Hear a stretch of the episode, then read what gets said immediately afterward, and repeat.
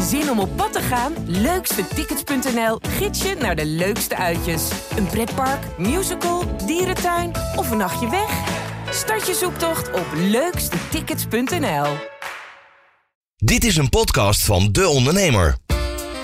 Psychologie, spiritualiteit. Wat doet het met succesvol ondernemen? Maar ook met tegenslagen. In Geloof in je zaak durven ondernemers zich daaronder over uit te spreken. Met groeiexpert en ondernemer Gerhard de Velde als presentator. Welkom bij weer een nieuwe aflevering van Geloof in je zaak. In deze aflevering van Geloof in je zaak ga ik in gesprek met Marcel Adriaanse. Marcel is eigenaar van Hofmeijer, een adviesbureau. Hij is investeerder en auteur van het boek Zaken doen op gevoel. Ik spreek Marcel over zijn ondernemersreis, die grote hoogtepunten kent, maar ook zeer hevige dieptepunten. Zo kwam de compagnon van Marcel een aantal jaar geleden op noodlottige wijze om het leven en moest Marcel daarna alleen door. Hoe heeft Marcel zich daardoorheen gebeten? En hoe ging hij om met de andere uitdagingen die op zijn pad kwamen? En natuurlijk gaan we ook in op Marcels boek Zaken doen op gevoel. Want ja, wat is dat dan precies, zaken doen op gevoel? Wat heeft dat met intuïtie te maken? Is dat zweverig of juist niet? En hoe pak je dat nou praktisch aan als je keuzes wilt maken op basis van gevoel? Dat en meer ontdek je in deze nieuwe aflevering van Geloof in je zaak. Ik wens je heel veel luisterplezier. Geloof in je zaak. Presentatie Gerhard de Velde. Marcel Adriaanse, van harte welkom bij deze podcast. Dankjewel. Ja, vertel eens. Zaken doen op gevoel. Wat uh, houdt dat precies in? Dat betekent dat je zaken doet op je gevoel. Vaak uh, zijn we natuurlijk geneigd om in het zaken doen naar ratio's te kijken. Mm -hmm. En daar beslissingen op te nemen. Of te zorgen dat je een deal kunt sluiten. En um, teruggaan naar je gevoel en daar weer win creëren of betere beslissingen kunnen nemen. Dat kan wel eens helpen om een betere uitkomst te realiseren. Ja, en um, hoe ben je ertoe gekomen om dit boek te schrijven? Nou, dat is een leuke vraag. Uiteindelijk uh, ben je bijna 25 jaar ondernemer. En uh, kijk je nou eens terug op je leven van ja, hoe heb je nou dingen gedaan? En ik doe eigenlijk alles op gevoel. En het boek schrijven heb ik gedaan om een soort footprint achter te laten, een gedachtegoed achter te laten. Omdat ik merkte dat ik vaak in gesprekken mensen één op één enorm kan inspireren. Of perspectief kan bieden. En vaak is het probleem niet altijd opgelost, maar dan gaan ze toch blij naar buiten van nou, ik heb er energie om het aan te pakken. En daar wilde ik wat meer mee doen om het impact breder te maken. Hoe ja. doe je dat dan? Uh, dan kun je natuurlijk een televisieprogramma op gaan nemen of concepten gaan bedenken. Uh, uiteindelijk heb ik gekozen voor een boek om dat gedachtegoed te ordenen, zeg maar, uh, in een model waardoor het ook toepasbaar is voor de lezer of degene die ermee bezig is. Ja, hey, en laten we eens uh, teruggaan in de tijd. Want je zegt, ik ben uh, ondernemer, je bent inmiddels ook investeerder, maar waar is het ondernemen begonnen? Toen ik 16 jaar was, leerde ik brommen rijden. Dat kon toen nog zonder brommerdiploma. waar was dat? Dat was in Zeeland. Ik ben opgegroeid in een klein dorpje, Oostkapelle. En uiteindelijk uh, ja, ga je dan op je 16 jaar met brommers aan de slag, zelf rijden. En uiteindelijk kon ik daar wel aardig goed aan sleutelen en wist men mij te vinden. Dus dan heb je gewoon een klantenkring om je heen van vrienden die uh, zeggen: Joh, Mars, kun je dat ding van eens nakijken? Mm -hmm. Dus daar begonnen de eerste stap al in ondernemerschap. En ik heb daar zowaar nog een opleiding in gevolgd. Dat heet vakbekwaamheid autobedrijf. Dan kun je zelfs een autobedrijf beginnen. Ik heb er nooit wat mee gedaan, maar dat waren de eerste stappen. Ja. Wat was de volgende stap? Uiteindelijk moest ik nog in dienst. Ik was een van de laatste die uh, de dienstplichten moest vervullen. Uh, en daarna heb ik zeven jaar voor een bedrijf gewerkt in, in, de, in ja, de detacheringswereld, de uitzendwereld. in de olie- en gasbusiness. Daar heb ik het vak geleerd ja, hoe je zeg maar een interim adviesbureau op kunt zetten. Dat ben je dus zelf gaan doen? Ja, toen heb ik het ondernemerschap weer opgepakt. Mm -hmm. In januari 2000 zijn we gestart met Hofmeijer. Uh, wat dus inmiddels een best wel groot interim adviesbureau is. Oké, okay, vertel eens. Ja, 130 man personeel, bijna 10 miljoen omzet. Dus dan heeft het wel een aardige omvang. En hoeveel tijd steek je daar nu nog in? Op dit moment niet zo heel veel. Uiteindelijk in 2017 heb ik gekozen om uit de operatie te stappen. Mm -hmm. Je ziet dat een ondernemer goede dingen doet en een manager doet dingen goed. Dat is een groot verschil. Mm -hmm. En dat leek ook wel. In 2018 zijn ze daarna nog 20% gegroeid. Mm -hmm. Dan zie je dat je als oprichter, ondernemer, uh, heel veel passie hebt voor uh, sales, het opzetten van zo'n bedrijf. Maar uiteindelijk zie je dat de omvang zo groot is dat ook wel dingen echt goed moeten gebeuren. Waardoor je weer een volgende stap in de groei kunt maken. En ik vond zelf dat ik daar niet de juiste persoon voor was. Ja. Heb je een voorbeeld van iets uh, wat je echt ja, minder goed gedaan hebt? Uiteindelijk zie je dat in de groei van een onderneming iets waar een, onder, een DGA of een oprichter heel goed in is, een bottleneck kan worden. Mhm. En dat Wat was dat bij jou? Waar, waar, waar bleek dat uit? Mijn achtergrond is sales. En dat had ik dus geleerd in die zeven jaar voor dat bedrijf werken. Zeg maar, dat je dan heel goed bent in het verbinden van een klant met een correcte professional in een project.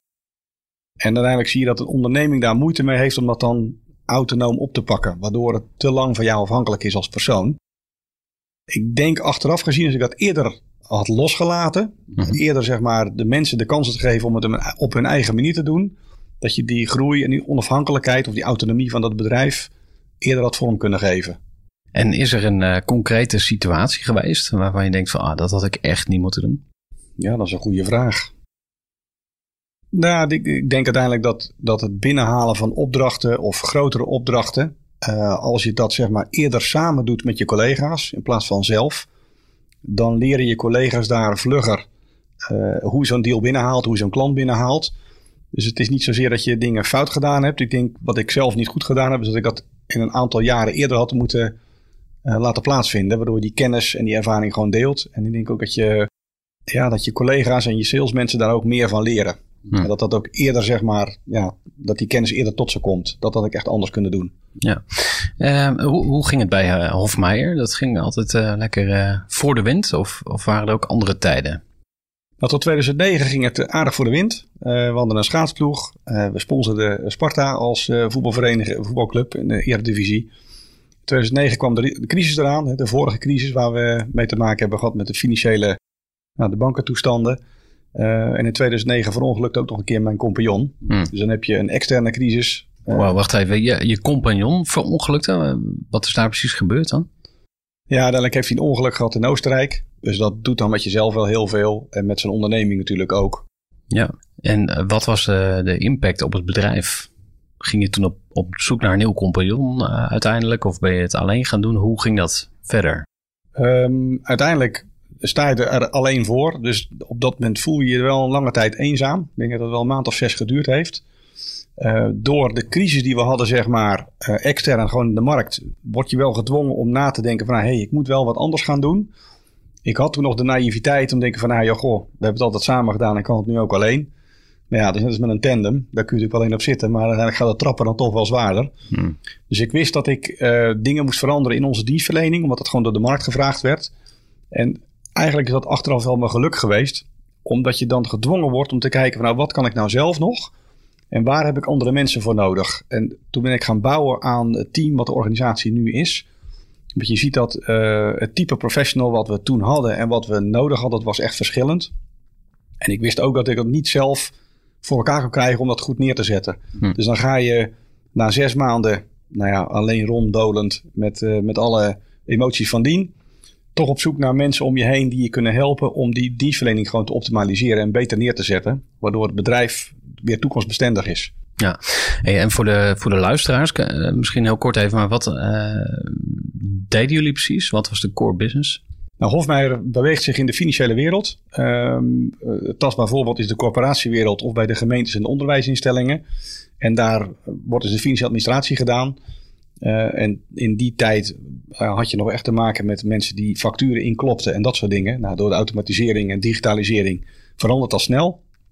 Dus een MBO-niveau functie, ja, dat bestaat ook bijna niet meer. Dat werden allemaal HBO'ers, HBO plus universitair geschoold personeel. Mm -hmm. Dus wij moesten een transitie maken uh, in het niveau van de mensen, omdat het werk op financieel gebied veranderde. Dus het beter meedenken op het financiële vlak, meer toekomstgericht zijn van joh we hebben inkomsten en we hebben uitgaven. Maar wat betekent dat nou voor de toekomst? Dat, dat vragen uh, opdrachtgevers. En bij de corporatiewereld hebben we natuurlijk meegemaakt met alle toestanden van dien in die sector. Dat er op heel veel vlakken ja, uh, regelgeving gekomen is.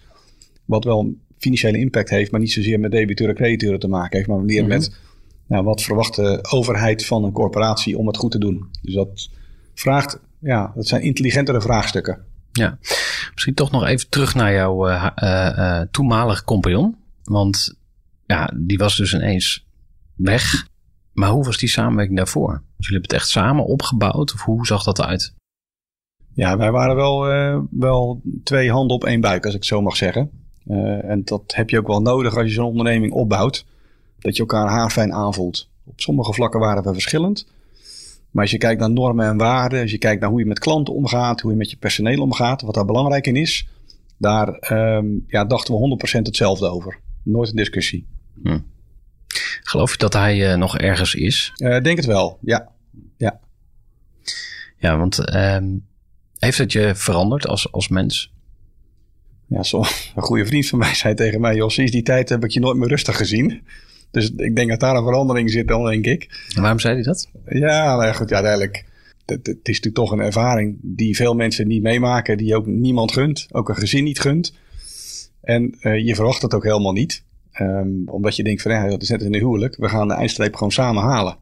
Ja, misschien is het daarmee te vergelijken, weet je, met zo'n gevoel. Dat je daar um, ja, dan die rust kwijt bent of zo. Ik ervaar het zelf zo niet, maar dat, dat hoor ik wel, wel terug van de buitenkant. Hmm. Dus dat is wat het me veranderd heeft. En wat, wat, wat gebeurt er dan precies? Wat, wat is die onrust? Nou, kijk, ik vertaal het in de zin dat je ziet dat die crisis uh, jaagt je enorm op. Hè. Je bedrijf staat natuurlijk onder druk. En dat kunnen ondernemers nu natuurlijk ook voelen als je kijkt naar de crisis waar we nu in zitten met de hele COVID-perikelen.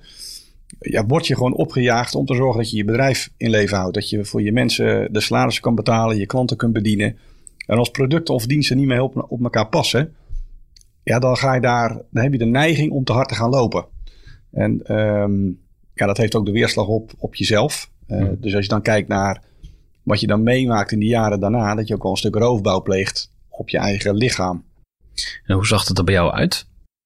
Nou, uiteindelijk zijn natuurlijk de geëikte uh, hart- en darmproblemen komen dan wel voorbij. Uh, en dan ben je 37, 38. Dan denk je, ja joh, weet je, dat gaat mij overkomen. Maar dat, is natuurlijk, ja, dat zijn geleidelijke processen die je niet direct in de gaten hebt tot het zover is. En eigenlijk zo'n lichaam zegt van, ja joh, ja, ik ga met jou gewoon even niet meer mee. En um, ik heb wel geleerd om daarvoor te waken. Ja, dat heeft me wel veranderd, zeg maar. Ik denk dat dat wel een positieve wending is geweest. Dat je leert om je lichaam, je geest en je energie beter in balans te, te houden. En dat hmm. had ik toen absoluut niet. Oké. Okay. Um, je bent nog steeds aandeelhouder, eigenaar van het bedrijf. Ja. Hoeveel procent, of waar moet ik aan denken? Uh, drie kwart. Hm. Ja. Oké, okay, en wat, wat doe je dan precies nog voor het bedrijf? Um, nou, nu zit je in een soort raad van advies, raad van commissaris-achtige rol. -huh. um, je praat met iedereen uh, en je spreekt met de algemeen directeur. En uiteindelijk kan het ook gewoon zijn dat er ergens een klant een behoefte heeft. En dan haak je daar licht. En je van nou, we kunnen jullie helpen met onze dienstverlening. En dat is natuurlijk snel geregeld om dan te zorgen dat Hofmeijer aan tafel zit. Hm. Of ik ga mee. Ja, ja dus uh, commercieel gezien doe je dan nog, ook, ook nog wel eens iets. En dan uh, misschien leuk om even de, de sprong te maken naar het aandeelhouderschap. Ik heb zelf een klein beetje ervaring omdat ik ook uit mijn vorige bedrijf gestapt ben, uit mijn operationele rollen. En dat als een voor- en een nadeel heb gezien. Dus uh, het is fijn om meer tijd te hebben. En um, tegelijkertijd kwam ook de, de soort van zoektocht van wat ga ik dan doen. En wat ik zelf ervaar is dat een aandeelhoudersrol toch wel iets heel anders is dan gewoon echt ondernemer zijn. Hè? Dus een aandeelhouder die moet ook naar getallen kijken en uh, zit ook veel meer op afstand. Dus die moet ook met minder informatie toe. Hoe kijk jij naar aandeelhouderschap? Ja. Nou, het is een goede vraag. Want uiteindelijk zie je dat aandeelhouderschap uh, en ondernemerschap zijn twee verschillende dingen. En aandeelhouderschap vertegenwoordigt dat je eigendom hebt. Hè, je bezit iets. En als je ondernemer bent of je bent bestuurder, ja, dan ben je dus actief in die onderneming. En dan uh, heb je dus invloed op wat er gebeurt. En mijn ervaring is toch wel dat heel veel aandeelhouders die niet actief zijn in een onderneming, ja, dan zich gaan bemoeien met wat de, wat de koers van zo'n bedrijf is. Of, heel, heel praktijkgericht, dat er in aandeelhoudersvergaderingen zaken besproken worden die eigenlijk te maken hebben met de dagelijkse gang van zaken. Eh, aandeelhouderschap gaat over strategie, eh, toekomstbestendig, het kritische aanspreken van de bestuurder of de directie. En zorg ook dat de vraagstukken die liggen op het uitvoeren van het beleid, ja, op het bordje liggen van de bestuurder of de directeur. En niet op het bordje van de aandeelhouder. Kun je daar eens even een heel concreet voorbeeld van geven? Nou, goh, een, uh, uh, het, het aanschaffen van een software systeem, wat bijvoorbeeld 2 ton kost. Mm -hmm. Nou, daar heb je als aandeelhouder best wel. dat Vertel eens, wat was jouw mening en wat gebeurde er aan de andere kant van de tafel? Nou, wij hebben daar, je voelt dat goed aan. Wij hebben daar dus totaal niet over gesproken, omdat ik die beslissing gewoon bij die directie gelaten heb. Oké, okay, en wat, ge wat gebeurde er toen? Nou, niks. Het wordt gewoon aangeschaft. Omdat het past in het beleid van de onderneming. Maar ik kan me voorstellen dat er heel veel aandeelhouders het gevoel hebben van, nou, daar wil ik toch wel eens wel even over meepraten en over meebeslissen. Had jij dat gevoel ook? Nee, eh, absoluut niet. Oké, dus jij hebt het wel losgelaten. Ja, ja. En wat was dan een situatie waarin je het niet kon loslaten? Dat je echt dacht, oh fuck, dit, waarom doen jullie dit zonder mij? Nee, dat klinkt vreselijk arrogant, maar dat heb ik nooit gehad. Hm. Nee. Maar dat komt omdat ik naar bed uitkom om mensen te laten groeien en ondernemingen te laten groeien. En ehm, ik heb letterlijk meegemaakt dat in, ook in andere ondernemingen een beslissing genomen wordt die misschien wel 50.000 euro gekost heeft, waar wel heel veel van geleerd is. En dan kun je achteraf zeggen, ja, ik grijp in, waardoor je die halve ton bespaart. Maar heeft de onderneming, heeft het managementteam, hebben de medewerkers er dan wat van geleerd? Dan heb je eigenlijk alleen maar eh, ja, soms moet je wel eens iemand een keer van de trap laten rollen. Hm. Om te weten dat het gevaarlijk is. Klinkt ook wel alsof, het gaat over geloven in mensen. Hè? Dus echt vertrouwen stellen in mensen. Is Ja. dat belangrijk voor je? Ja, absoluut. Ja, Hm. dat dat dat de voorwaarde is. Absoluut. Ja. Ja. Ehm, waar zou je nog in willen groeien als ondernemer? Ehm, ik denk als ik, eh, als ik het toverstafje zou hebben en ik ben vijf of tien jaar verder. Dat ik de investeringen die ik nu heb lopen in de ondernemingen waar ik mee bezig ben. Dat je dat nog sneller kunt doorgronden of nog beter kunt eh, analyseren. Waardoor eh, die onderneming snel, sneller kan groeien en waardoor die mensen dus ook sneller kunnen groeien. En dat laatste is eigenlijk het belangrijkste. Daar zie ik nog heel veel ruimte voor mezelf. Ja, dus eh, misschien eh, zou je kunnen zeggen betere eh, investeerder worden ook? Of Ja, is dat dan- de ja. te nauwe definitie? Ja, dan, dan zou ik denken van gewoon, dan gaat het om het resultaat wat je dan wil halen. Uiteindelijk zie ik dan een betere investeerder als iemand die beter in staat is om ja, nog beter, misschien in, een- in iets hoger tempo, zeg maar, de patronen te herkennen. En de juiste spiegel voor te houden, waardoor zo'n onderneming sneller kan groeien. Daar Ja. zit nog wel winst. Ja, en eh, heb je een voorbeeld van een, van een belemmering die je dan eh, ervaart? Iets eh, uit de praktijk bijvoorbeeld? Uiteindelijk zie je dat heel veel ondernemingen te maken hebben met de juiste product-marktcombinatie. Wat los je op? Er worden heel veel dingen bedacht, zowel producten als diensten. Dat komt ook heel vaak voorbij. En dat kunnen start-ups zijn, dat kunnen scale-ups zijn, dat kunnen ook gewoon echt gevestigde bedrijven zijn. Maar de wereld om ons heen verandert. Dus hetgene wat aangeboden wordt in een product of een dienst verandert ook. En op het moment dat je dat beter kunt doorgronden, zeg maar, eh, en die verbinding sneller kunt maken, of juist sneller kunt zeggen, nou joh, dit is gewoon geen goed idee. Eh, ja, daar zie ik nog wel een, daar zie ik nog wel een parallel, zeg maar. Dat je daar ziet dat, dat dat is nog wel een worsteling. Voor veel ondernemers is het een worsteling. Maar dat zie ik bij mezelf ook van, ja, weet je, wat is nou de juiste route daarin? En wat is nou de beste oplossing om het uit te zoeken? Hm. En als je het dan weet, ja, is dat dan ook, klopt dat dan ook? Weet je, is dan ook echt de oplossing dat, hey, dit, dit lossen we op?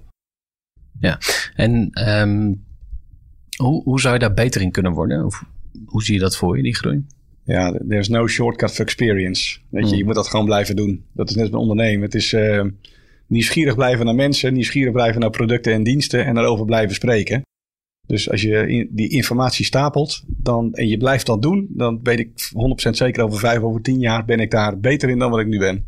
Nog even over groei. En dan gaan we ook naar jouw boek. Want daar zijn we natuurlijk ook eh, eh, heel benieuwd naar. Waar zou jouw vrouw je eigenlijk in willen laten groeien? Ehm, nou, als je zou vragen aan haar van, goh, weet je, eh, waar staat Marcel voor? Dan, dan zal ze ongetwijfeld zeggen, hij staat altijd voor je klaar. Ik denk waar ik nog kan groeien is ehm, nog iets meer rust bewaren in de dingen die ik soms wel van dingen vind. Of ehm, waar ik mee thuis kom. En dan zit je natuurlijk verkokerd in je eigen gedachtepatroon. En dat heb je met een goede partner die zegt dan wel eens van, ja joh, Mars, het zou ook wel eens anders kunnen zijn. Laten we die andere kant ook eens bekijken. En Hmm. ehm, nou, dan zou ik heel veel tijd en energie kunnen winnen. En wat zijn dat voor dingen dan waar jij je zo in vastbijt? Nou, bepaalde processen die op een bepaalde manier niet goed lopen. Of in een bepaald tempo waar ik van denk van joh, dat kan toch veel vlugger. En dan zie je dat mensen hebben tijd nodig om dingen te leren en te adopteren, zeg maar. Dus dan zit je, nou, kom je in mijn eigen boek, dan zit je een bepaalde projectie, kom je dan terecht. Waardoor je dus van zo'n proces of zo'n persoon iets vindt. En ja, dan spiegeltje voorhouden, dat geeft dan wel als ik denk nou nee, ja, dat kan inderdaad ook. Hè. Misschien eh, eh, gaat het juist wel heel erg goed en moet ik het juist meer geduld geven. En je zei ook, eh, Marcel staat altijd voor iedereen klaar. Toen dacht ik meteen van, oh, eh, dat hoor je wel eens vaker bij ondernemers. Hè, van je bent eigenlijk te lief of te, te dienstvaardig of dat soort dingen. Eh, herken je daar iets van? Ja, te lief. Ja, ik, ik, ik, denk omdat ik mensen wil laten groeien, heb ik, meer, heb ik daar wel meer geduld voor. Dus ben ik dan niet iemand die het conflict opzoekt. Um, ik herken wel mensen die zeg maar, gedreven zijn om het sluiten van een deal of de hoogste winst te halen of echt wel resultaatgericht te zijn. Uh, ja, dat heb ik niet zo eigenlijk. Ik zie dat, hm. daar ben ik dan misschien wel een, iemand die inderdaad uh, eerder conflictmijdend is. Hm. En dan, daar heb ik dan wel weer geduld in. Uh, en stiekem voor mezelf denk ik dan wel eens van, nou joh, kom op, dat kan toch wel wat vlugger. Dus ik herken het wel. Ja. Um, ja, hoogste tijd om naar je boek te gaan. We hadden het nu net even over uh, ja, te lief zijn of juist niet lief genoeg zijn. Waarom ik dit erbij haal is omdat business heel vaak geassocieerd wordt met uh, hardheid. Hè? Keiharde business en een zakenman. Hè? De, daar wordt ook nog steeds ja, mensen vinden daar iets van. Hè? Dus als je een bedrijf hebt dan, dan, uh, of ondernemer bent, dan gaat het je waarschijnlijk om het geld. Ja. Nou, dit zijn de clichés. Er zijn natuurlijk al heel veel mensen die ook de, de nuances kennen. Ja. Maar laten we even aannemen dat business haaks staat op gevoel. Maar je hebt daar een hele andere mening over. Neem ons eens mee. Ja, je zegt dat mooi. Hè? Uiteindelijk is het natuurlijk een bepaald beeld. ja, ga, stuur je op resultaat ik, ik heb geleerd en ook wel gezien bij andere ondernemers. Op het moment dat je het gevoel beter laat spreken. Hè, wat ik in het begin ook aangaf. We gaan terug naar, naar, naar uh, ratio's. Hè. We zijn geneigd om daar natuurlijk, naarmate we in onzekerheid komen. Of we krijgen druk van een bank. Of leveranciers die een geld willen hebben. Om in Excel te duiken. En uh, dan ben je ook geneigd om naar die cijfers te gaan kijken. En dan ontstaat er een bepaalde hardheid. Uh, dus dat beeld snap ik wel. Maar uiteindelijk Kijk, uiteindelijk als je, als je medewerkers blij zijn en je klanten zijn blij, dan lopen dingen gewoon veel meer vanzelf. En creëer je een beleving. En of dat nou een kleine onderneming is of een hele grote onderneming is, kunnen we zat voorbeelden van noemen. Maar je wilt gevoel aanspreken van je klant en je wilt gevoel aanspreken van je medewerker. En hoe meer je zeg maar stuurt op hardheid. Ja, ik zat vanmorgen nog in een, in een uh, online sessie. En dan kwam een ondernemer voorbij en die, ja, die groeit heel hard. Elk jaar 100%. En je voelt aan hem dat hij, ja, hij stuurt zeg maar op, op resultaten. Ja, uiteindelijk gaan mensen daar niet voor lopen. Uiteindelijk willen mensen een bepaald gevoel hebben bij jou als leverancier of een bepaald gevoel hebben bij jou als, als werkgever. Uh, en dat is toch het onbewuste wat je dan aantikt. Maar zei nou dat die ondernemer heel hard groeit? Ja. En hij stuurt op resultaat? Ja. ja. Maar wat leer jij van die ondernemer? Wat, wat doet hij goed en wat doet hij niet goed? Nou, ik denk wat hij heel goed doet, is dat hij inspeelt op de markt. Dat je daar dus uh, de durf hebt om op te schalen en mensen aan te nemen. Uh, en ik denk uiteindelijk dat als je kijkt naar uh, een onderneming die heel snel groeit, zorg dan wel dat je de juiste normen en waarden vasthoudt die je zelf ook fijn vindt. Je hebt natuurlijk wel de neiging om achter de resultaten aan te lopen. En als natuurlijk zeker als dat lekker gaat en dat is jouw drijfveer, dan is dat voor jezelf misschien wel goed. Maar je ziet zeker bij millennials dat ja, die komen voor, om een andere reden hun bed uit. En dat, uh, dat de bankrekening van jouw bedrijf dan dik gevuld is, of jouw eigen bankrekening. Dat is een prachtig resultaat, maar uh, uiteindelijk is dat niet hetgene waar je op kunt sturen. Hm. Dus dan is het gevoel veel belangrijker. Ja, uh, je hebt er een boek over geschreven. Wat staat erin? Het gaat over intuïtie. Het is letterlijk mijn gedachtegoed. Het is een soort footprint. Uh, en het is opgedeeld in twee helften. De ene helft gaat over het beter kunnen laten werken van je eigen intuïtie. En de andere helft van deel 2 van het boek gaat over het, het voeden of het aanspreken van de intuïtie van de ander. Waardoor je een betere verbinding krijgt en ook beter een win-win kunt realiseren met elkaar. Oké, en wat is intuïtie dan precies? Ja, intuïtie. De definitie is eigenlijk dat je een, een actie of een beslissing inzet waar je stiekem van tevoren wel weet dat het de juiste is. Hetzelfde als onderbuikgevoel of is het net weer anders? Nee, dat is het wel. Het is hmm. echt van je gut feeling die je kunt volgen. En uh, dat kun je niet in een model stoppen. Hè. Intuïtie kun je niet in een model stoppen.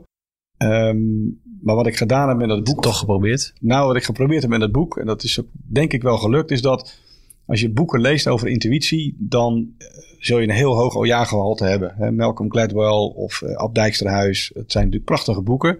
Heel veel herkenning.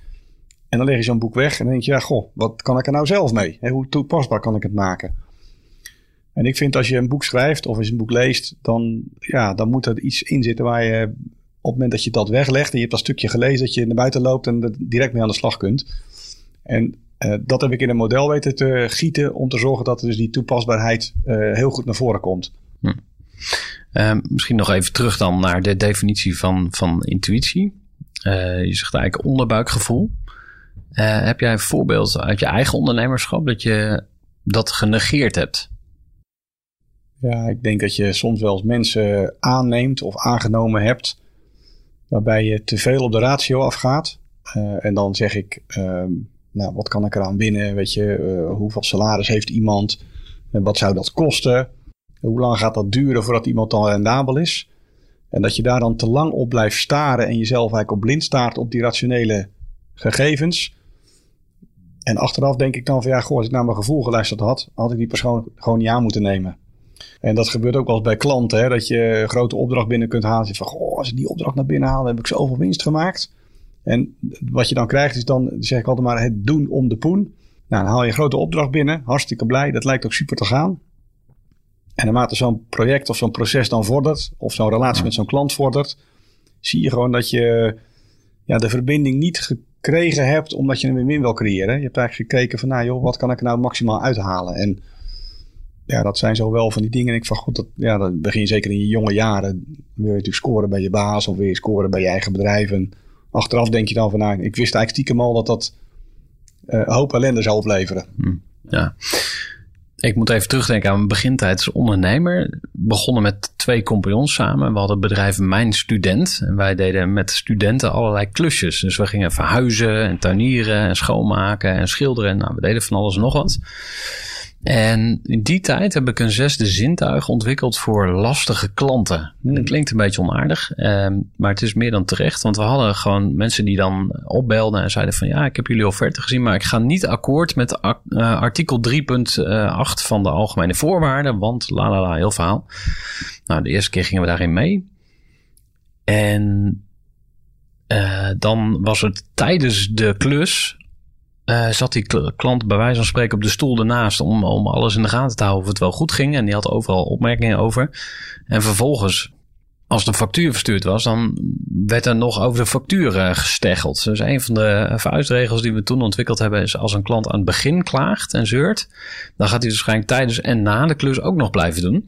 Nou kun je zeggen van, hé, hey, klanten die kritisch zijn, die maken je bedrijf sterker. Dus daar, daar mag je je voordeel mee doen. Uh, maar er zaten ook mensen bij die probeerden er echt een slaatje uit te slaan of uh, korting te bedingen of nou ja, allerlei flauwe trucs uit te halen. Ja, wat nog mooi maakt met een klant die komt en die gaat. Alleen als je de verkeerde medewerker aanneemt, daar zit je dan mee opgescheept. En dan denk je natuurlijk met je naïeve kop ook nog van, uh, nou, dat komt wel goed en we gaan eraan werken. En als we allemaal een beetje ons best doen en bla bla bla. Dus dan komen al die, die smoesjes Um, dus toen je dat zo zei, dacht ik van ja, dat herken ik inderdaad. Ik denk dat de luisteraars, hè, die uh, ondernemers zijn, dat misschien ook wel herkennen. En overigens, ook als je geen bedrijf hebt, we, gaan allemaal tegen ons uh, gevoel in. Hoe, is de relatie tussen eh, informatie en onderbuikgevoel? Want je hebt toch ook informatie nodig? Of is het of-of? Hoe, hoe zie jij dat? Nee, je hebt het zeker nodig. Dat is een goede vraag. Um, en uiteindelijk zie je dat, dat in mijn beleving is ook de tweede stap in het boek, zeg maar. Dat je je hebt die emotie moet zeg maar geneutraliseerd worden. Hè. Je hebt het over die lastige klant of die, maar dat, wat dat rode vlaggetje omhoog gaat. Dan kun je er van alles van denken. Nou, het kan euforisch zijn, want dan kan er heel veel geld aan verdienen. Of je denkt, hé, hey, daar heb ik er weer zo een. En dan zie je dat je heel goed moet bepalen van, wat is nou mijn hogere doel? Waarom wil ik die klant binnenhalen? Of wat wil ik met mijn bedrijf, bedrijf bereiken? En daar zie je die ratio al een beetje omhoog komen. Vervolgens uh, moet je kijken van wat is de win-win situatie? Met andere woorden, als die klant er te veel een slaatje uit wil slaan, ja, ga je dan wel blij met elkaar door het leven. Ja, dat zijn toch allemaal analyses waar je over na moet denken. Waar ook ratio's aan vast kunnen zitten. Ik bedoel, je hebt een prijs en er moet een marge gemaakt worden en er moet iets geleverd worden. Dus... Even voor de luisteraar. Dus uh, we hebben het over ratio als in rationele argumenten. Ja. Maar je hebt het ook over ratio's in de zin van getallen die moeten kloppen, toch? Of niet? Uh, ja, maar dat zijn, okay. dat zijn voor mij, dat, dat is eigenlijk, dat, ja, dat is, getallen, hetzelfde. Dat is eigenlijk hetzelfde. Weet ja, je wel, ja, okay, ja, ja. Um, uh, als je een getal analyseert, dan, ja, daar zit weinig gevoel aan vast, zeg maar. Dat is gewoon Excel. Ja, dat, is, dat hoort bij elkaar, ja. Gewoon Excel doortijgeren. Dus die ratio's, die tel je allemaal op bij elkaar. En uiteindelijk merk ik dan aan mezelf, hè, dat je, als je dan zeg maar je intuïtie aan wil spreken, dat je er ook vertrouwen in moet hebben. Dus zorg dat je dan die ratio's weglegt en gaat mijmeren over hetgene wat je allemaal verzameld hebt. En om dat praktisch te maken. Kijk, iedereen koopt wel zijn huis. En ehm, als je huis koopt, nou wij wilden huis kopen, wij wilden graag een woonkeuken in ons huis. Dus dat was iets, dat, dat was ons hogere doel. Maar uiteindelijk zitten natuurlijk allerlei berekeningen aan vast. Kun je de hypotheek betalen, kun je de financiering betalen, eh, wat moet ik nog betalen om te verbouwen. En uit onderzoek is ook gebleken dat hoe je zeg maar zo'n proces doorloopt op basis van je gut feeling, dat er waren drie categorieën mensen. Waren mensen die directe beslissing namen. Nou joh, dat ga ik doen. Waren mensen bij die uh, gingen tot aan het energielabel alles uh, uitpluizen. En zeggen van nou, dan doe ik het ja of nee. En er waren ook mensen bij een groep die verzamelden al die informatie. Lieten dat gewoon eens door hun hoofd heen gaan. Sliepen er een nachtje over. Of gingen een rondje pingpongen of een rondje fietsen. En uiteindelijk maakten ze een keuze ja of nee. En die laatste groep, daar is toch het gebleken dat die vaak dan de betere beslissingen neemt. Dus ja, het verzamelen van die rationele informatie en dat is door je hoofd laten gaan. En eigenlijk misschien wel, nou ja, denk het de plekken langs je gut feeling uh, duwen, zeg maar. Dan komt daar een keuze uit. En dan weet je ook achteraf, of eigenlijk weet je vooraf, hè, dat dat gewoon de juiste beslissing is. En dat kan zijn dat je het doet of dat je het niet doet. Ja. En heeft dat dan ook nog iets te maken met uh, spiritualiteit of het, het hogere, hetgeen we niet kunnen zien? Ja, uiteindelijk uh, uh, denk ik dat er wel zoiets is. Uh, een leuk, voor, een leuk Hoe ziet dat eruit? Nou ja, een leuk voorbeeld is dat uh, heel plat naar een sales traject. Stel dat jij een, uh, een mooie prospect hebt waar je binnen wil komen. Ik heb dat zelf heel vaak meegemaakt. En je wil met die klant een afspraak. En dat lukt maar niet en dat lukt maar niet. En uiteindelijk komt er een afspraak en dan wordt twee keer afgezegd. En ik, ja joh, ik wil, ik wil bij die persoon aan tafel komen. Ik wil die klant binnenhalen. Want ja, dan staat in mijn doelstellingen. Of nou, noem maar op waarom je dat wil. En dan ben je misschien een paar maanden verder. En uiteindelijk komt die dag dat je bij die klant aan tafel zit. En dan zegt hij zo waar, joh, nu je hier zit. Gisteren had ik het volgende vraagstuk. Kun je me nou vandaag bij helpen? Hm. En dan denk ik achteraf, ja joh. Als ik hier drie maanden eerder gezeten had. Was ik misschien nu al uit het gezicht, gezichtsveld geweest. Waardoor hij de concurrent gebeld had. Dus ik heb nu voor mezelf zoiets van, joh, als processen stokken op de een of andere manier. En je denkt vanuit je emotie, ja shit, ik, ik, ik wil dat toch wel versnellen. Joh, het zal ergens goed voor zijn. En uh, dat ergens goed voor zijn, dan komt er gaandeweg zo'n proces ergens een positieve konijn uit de hoge hoed. Waardoor je wel in één keer zaken kunt doen met elkaar. Dus die timing is dan wel heel belangrijk en dat geduld hebben. Dus ja, dat komt, dat komt echt heel vaak voor. En dan zie je dat men dan zegt van ja, het zal ergens goed voor zijn of het universum regeert, weet je al. Ik ben ervan overtuigd dat dat zo is. Hmm. Ik, had het van, ik had het toevallig deze week nog. Ik zat gisteren bij een nieuwe klant voor een van mijn bedrijven. En ik zat vandaag in een online sessie. En zo waren haakt de directeur van dat bedrijf aan. En uh, ik vroeg aan Maar dat is toch gewoon toeval dan? Ja, alleen dat is toeval. Alleen waarom is het nu zo dat die afspraak van gisteren niet morgen is of vier weken geleden? Dingen lopen zoals ze lopen. Uh, ik vind dat je, dat ben ik met je eens dat toeval is, maar uiteindelijk gaat het om je eigen gut feeling. Dat je moet realiseren dat ja, processen lopen gewoon zo. Ja, en hoe kun je dit gebruiken in je ondernemerschap? Het geloof, als je het zo wil noemen. Um, ja, dat kun je eigenlijk 100% gebruiken in je ondernemerschap. Omdat um, je daar een bepaald geduld mee creëert voor jezelf. Een bepaalde rust mee creëert voor jezelf. En zorgt dat de doelen die je wil halen en de focus die je hebt op je hogere doel. Hè, waarom je onderneming er is. Of welke impact je wil maken. Je enorm gaat helpen om die focus te houden op dat hogere doel. En, um, Wat is jouw hogere doel? Nou, persoonlijk voor mij, als je kijkt naar nu de investering die ik heb lopen, vind ik het super gaaf als ondernemingen en ondernemers en de medewerkers enorm kunnen groeien. En of dat nu in omzet is of uh, in hun eigen ontwikkeling, dat vind ik eigenlijk niet zo spannend. Want eigenlijk zie je dat die omzet of die resultaten volgen vanzelf. En je vroeg me waar, waar kun je nog dingen leren of wat zou, je, uh, wat zou je voor jezelf nog zien als ontwikkeling? Is daar nog beter in worden. En ik denk dat dat wel mijn hogere doel is ja, dat je meer impact kunt maken met datgene wat je bereikt hebt. Ja. Nog even terug naar je boek, hè, want uh, daar hadden we het natuurlijk ook over. Uh, is dit een soort van bijbel die je ook gebruikt uh, bij de bedrijven waar je in participeert? Je zegt van jongens, zo gaan we het doen. Dit is hoe ik erin sta. Nee, want dan zou ik als aandeelhouder me bemoeien met hoe het bestuurd moet worden. Dus dat doe ik niet. Oké, okay, maar wat zijn jouw basisregels? Hè? Je zou kunnen zeggen de tien geboden van business. Wat, wat staat er bij jou in de top drie? Ik denk dat het belangrijkste is dat je met mensen samenwerkt die een bepaalde uh, stevigheid in het leven hebben. Hè, dus die autonomie hebben, dat is eigenlijk de eerste pijler. Je moet wel zorgen dat je uh, jezelf, je thuis en je speelveld, zoals ik het omschrijf, in balans hebt voor jezelf. Dat vind ik een hele belangrijke, dat dat zo is. Uiteindelijk vind ik ook dat je uh, op een bepaalde manier het, het, geduld moet hebben om te kunnen bouwen aan zo'n onderneming. En ik denk de laatste is heel belangrijk dat je continu gaat voor een win-win situatie met je medewerkers en een win-win situatie gaat met je klanten. En op het moment dat je dat in je DNA hebt zitten, ja, dan past dat bij mij, zeg maar. En dan vind ik het ook leuk om daaraan mee te bouwen. Klinkt goed. Wij gaan uh, richting afronding.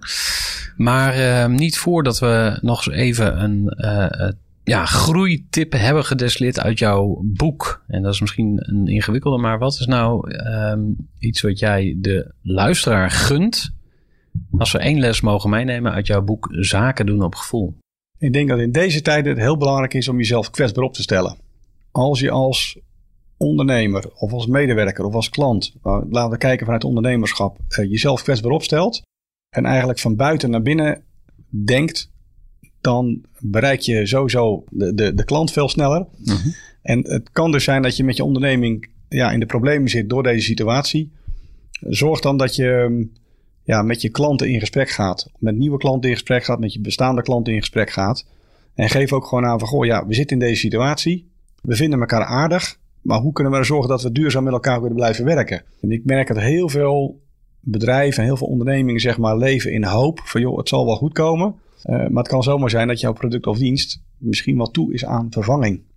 En dat zo'n crisis uh, dat nu versnelt. Dus op het moment dat je je weer opstelt en dat gewoon eens echt kritisch gaat bekijken. En ja, spreekwoordelijk naakt voor je klant gaat staan. Dan hoor je ook echt wel uh, waarom ze je leuk vinden, waarom ze zaken met je deden. Hmm. En misschien vind je wel haakjes, haakjes waarom ze zaken met je willen doen. En op het moment dat je dat ook deelt met je medewerkers, dan komen daar dus hele verrassende uh, ideeën naar voren. En als leidinggevende of ondernemer is het natuurlijk best wel moeilijk om te zeggen: ja, joh, ik ben hier wel de baas, maar ik weet het misschien ook even niet meer. Je me willen helpen? En ik noem dat in mijn boek Pokito gedrag. Nou, kom van die berg af en zorg dat je ja, met je medewerkers in gesprek gaat. En dan zul je ervaren dat er heel veel creativiteit en heel veel inventiviteit in zit. Waardoor uiteindelijk kan er iets heel moois ontstaan. En hoe gaaf is het dan dat zo'n medewerker later kan zeggen op de verjaardag van joh, dat, dat, dat heb ik bedacht. Dan, groei je, dan groeit je onderneming enorm. Ja, mooi advies. Dankjewel. Nou, uh, hartstikke bedankt uh, Marcel voor dit gesprek. We gaan nog even gezellig nakletsen. En ja, dank voor je input. Graag gedaan. Dankjewel voor het luisteren en graag tot een volgende aflevering van Geloof in je zaak. Wil je meer weten over mij, Gerard Tevelde? Voeg me dan toe op LinkedIn, dan kunnen we vrienden worden. Wil je zelf een keer te gast zijn in de podcast? Of heb je een tip voor een geniale gast? Laat even van je horen. Geloof in je zaak is een podcastserie van De Ondernemer. Voor nog meer podcasts ga je naar deondernemer.nl.